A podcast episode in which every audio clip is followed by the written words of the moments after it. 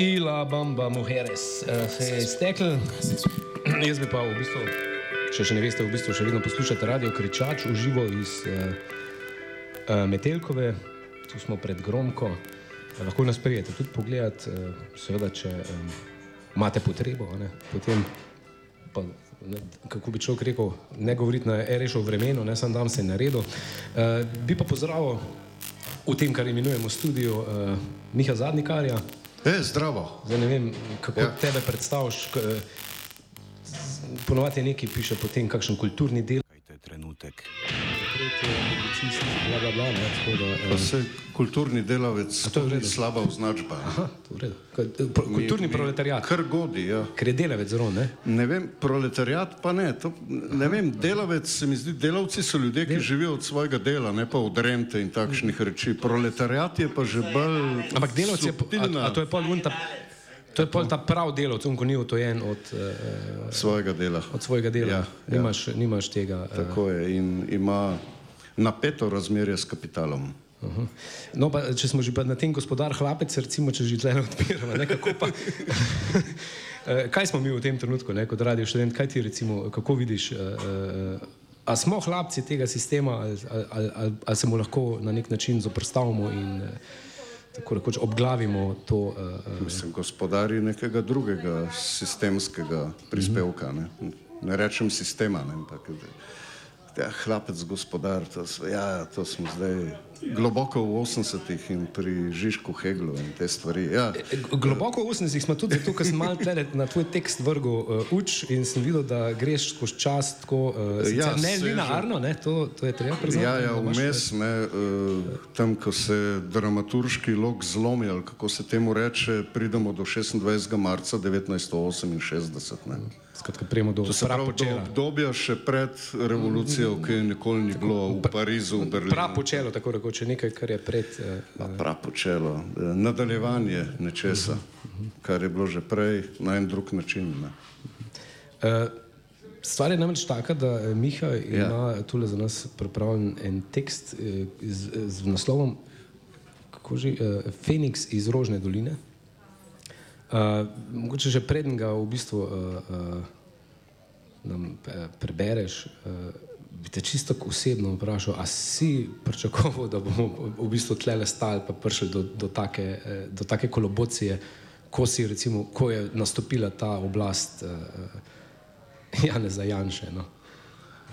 Ja, ta iracionalnost se nadaljuje. Ne. Bolj me skrbi, ker je veliko tega nagneteno v zelo kratke časovne enote, ne. da se stvarem, mislim, zdaj le se dogodi tak kretenizem, ki mu ne moremo slediti. Ne. In Mogoče bo kje zaznan, ker se bo čez uro pa pol dogodil en tweet. Ne. Tako da to je. Uh, In se normalizira or- norost or- na nek način. Organizirana iracionalnost, ne. Ja, predvsem pa brez sloga. Ne. Ljudje čist brez sloga. To, je, to se mi zdi dejansko najboljša oznaka, ki to zajame. Ne. Skratka, kako vladati v stilu, ne? to je pa uh, učna ura oziroma učna leta tega so, kako popolnoma zunaj tega vladati oziroma se truditi, da bi vladal. Se ne vem, kako bi to imenoval, ampak prostaško, vulgarnost. Pa to so zdaj te moralistične oznake. Ne? Jaz bi rad tako eh, precizno politično-teoretsko oznako našel, pa je ta hip ne morem. ne. politično-teoretsko? Tako, Ja, tako da, da, Brez ni, glavo. da ni moralno obtežena, da ni preveč, da je ravno prav čustvena, no? tako kot bi rekla uh, kakšna stara revolucionarka ne? izpred 120 let. Da mora biti ravno prav tega. Ma ja, dobri marksisti so vedno obvladali tako ravno prav uh, zavitne v, v povedi skozi stavek, ne, periodo narediti s kakimi primerami. Ne.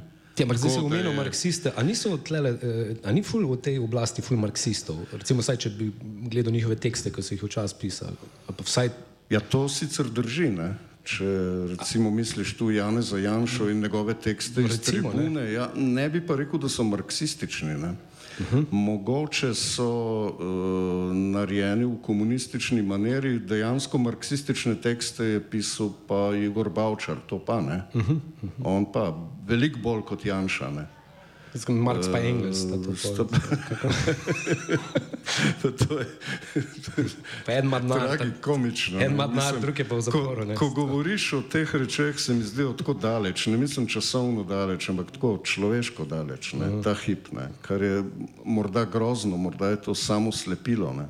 Kot sem pred enim letom zapisal, uh, največja groza fašizma je to, da si ljudje ne predstavljajo, da je na en lep pomladen sončen dan lahko fašizem, ne, ki je v barvah. Fašizem vidijo kot nekaj iz črno-belih filmov in fotografij, ne. tako pa danes, jo, poglej, kako je lepo. Sem, ne, a vidiš, je fašizem. Ne.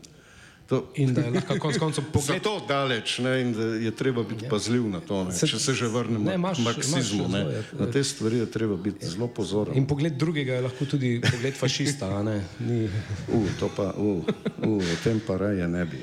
Dobro, jaz, ja. Ja. jaz mislim, da, je- da, je, da je eh, prav, da, Da Feniksa da preberem. Feniksa eh, preberemo, Rožnodolskega, tako da, bi to šlo, meni ni šlo. Mi je bilo boljš Feniks iz Rožne doline, kot Rožnodolski. Rožnodolski Feniks. Uh, mogoče, če bi bil tekst drugačen, bi šlo Rožnodolski Feniks. Jaz mislim, da je vsaj bolj jasno, če drugega, ne? če rečeš iz Rožne doline. Ja, ja, ja. Bi morali pisati še vejca Ljubljana, da ne bomo diskriminatorni, ali ni potrebno. Zdaj gledam to, da ga sam bereš, mislim, da je popolnoma vseeno. Dobro, Miha Zadnikar.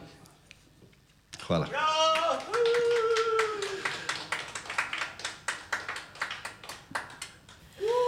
Zdravo. Kako lep Še enkrat. dan.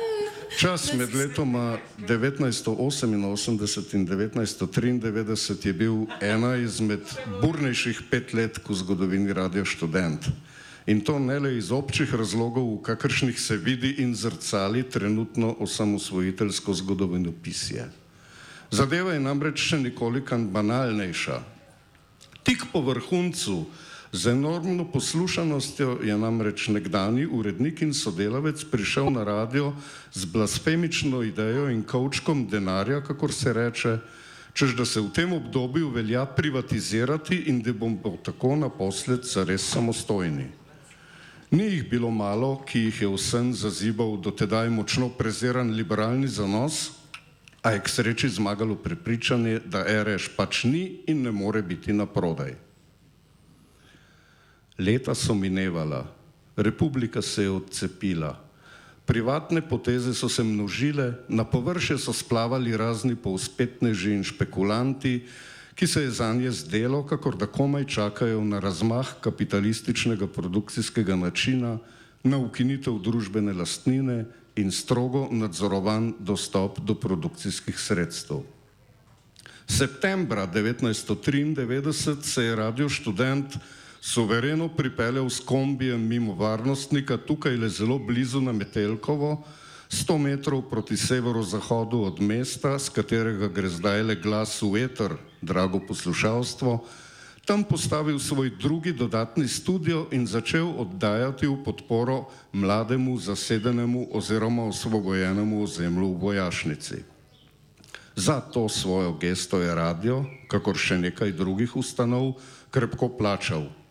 Ista klika, ki se je proslavila z rušenjem hiš in obeleži po Ljubljani, tako tudi stavb, ki nam nudijo zavetje tale trenutek, je odgovornega urednika radia študent v tistem hipu povabila na informativni razgovor, kakor se reče v policijskem žargonu. Župan in njegovi so odgovornemu uredniku na magistratu direktno zagrozili, da bodo v hipu zaprli pipico, če bo radio študent nadaljeval s pozivi prebivalstvu naj pride podpret za skvotirano Metelkovo. Toda v tem trenutku vse omenjeno zveni kot romantika. Najbrž tudi zato, ker je že mimo. Slavni pruski vojno-politični teoretik Karl von Clausewitz je v osnovanju strateških in taktičnih posebnosti svoj čas zapisal tudi tole. Ne troši topništva, kadar zadošča grmenje. Ta moment pri nas živimo vojni čas više eskalacije, v katerem velja povsem drug princip. Streljati je treba z vso razpoložljivo artilerijo, pri tem pa še ohraniti pamet in slog, torej dvoje, kar vladni ideologiji in večno paralelnemu sopotnemu liberalizmu primankuje. Sovražnik računa na atomizacijo.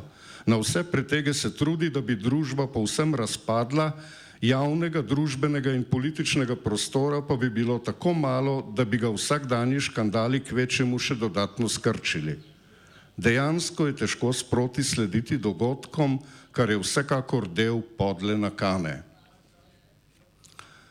Udarec je tokrat dvoj. Z ene strani se šel petelini s klanjanjem hegemonistični liberalni ideologiji, z druge strani Ministrstvo za kulturo udriha s fašistoidnimi vzancami. Oboje skupaj je tudi v širšem smislu realnost, peza, spričo katere ječi večina populacije. Ministrstvo za kulturo skuša s svojimi potezami, med katerimi nas je včeraj jako razveselilo odobritev statusa društva v javnem interesu neonacistični in identitarni grupaciji, temeljito počistiti z vsemi odvečnimi elementi, iracionalna in škodljiva dejanja šov, pa so prav obrnjena od tistih študijskih nagibov, s katerimi se je leta 1968 lahko sploh nastal pogoj za nastanek radio študent. Zato ne mara ni odveč, da si na tem mestu za pouk in osvežitev gradiva privoščimo malo zgodovine na presečišču umetnosti, kulture, zabave in tehnike, tako prebiramo arhivske dokumente, ki jih je pred leti našel in v članku Alter Zore objavil Neven Korda.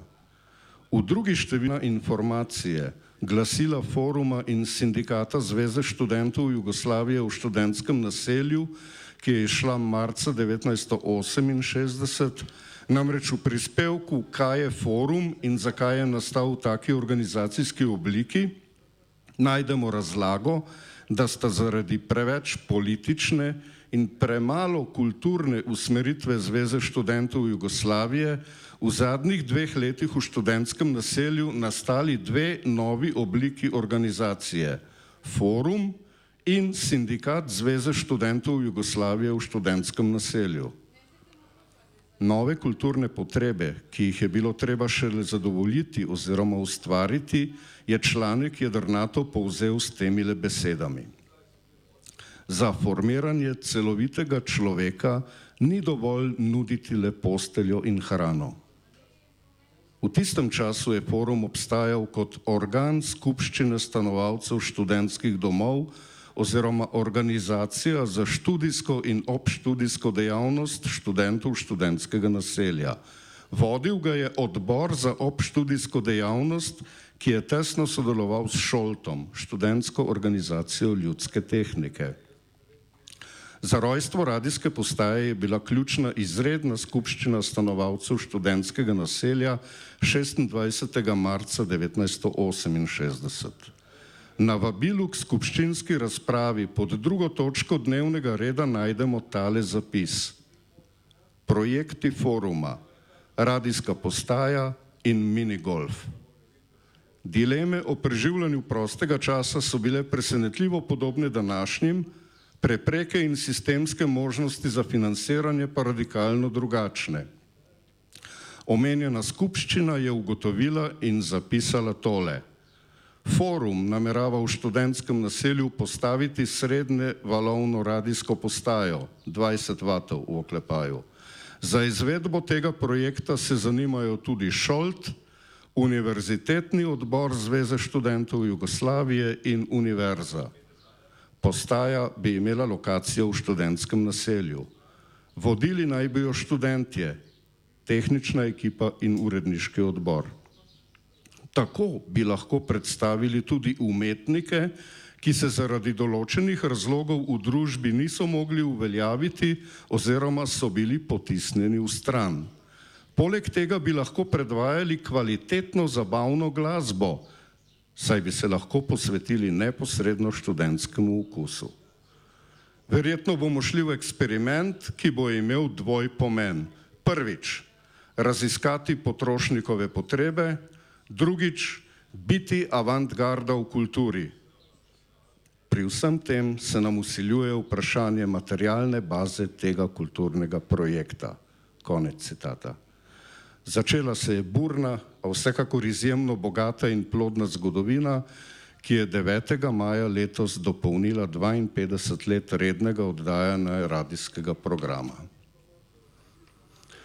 Stremuhi in mračnjaki, torej šov in Ministrstvo za kulturo, si seveda mislijo, da sta RŠ in njegova organizacijska struktura ostanek nekih davno preživelih časov, zlasti pa jim je odveč skrb za pretočnost, za izobraževanje novih kadrov in vsebina, ki z njo ne vedo, kaj bi pravzaprav sploh počeli in kam bi jo umestili. Zato je radijsko postajo, ki ne razume novih časov, kaj pa najbolje kar pospraviti z tega sveta.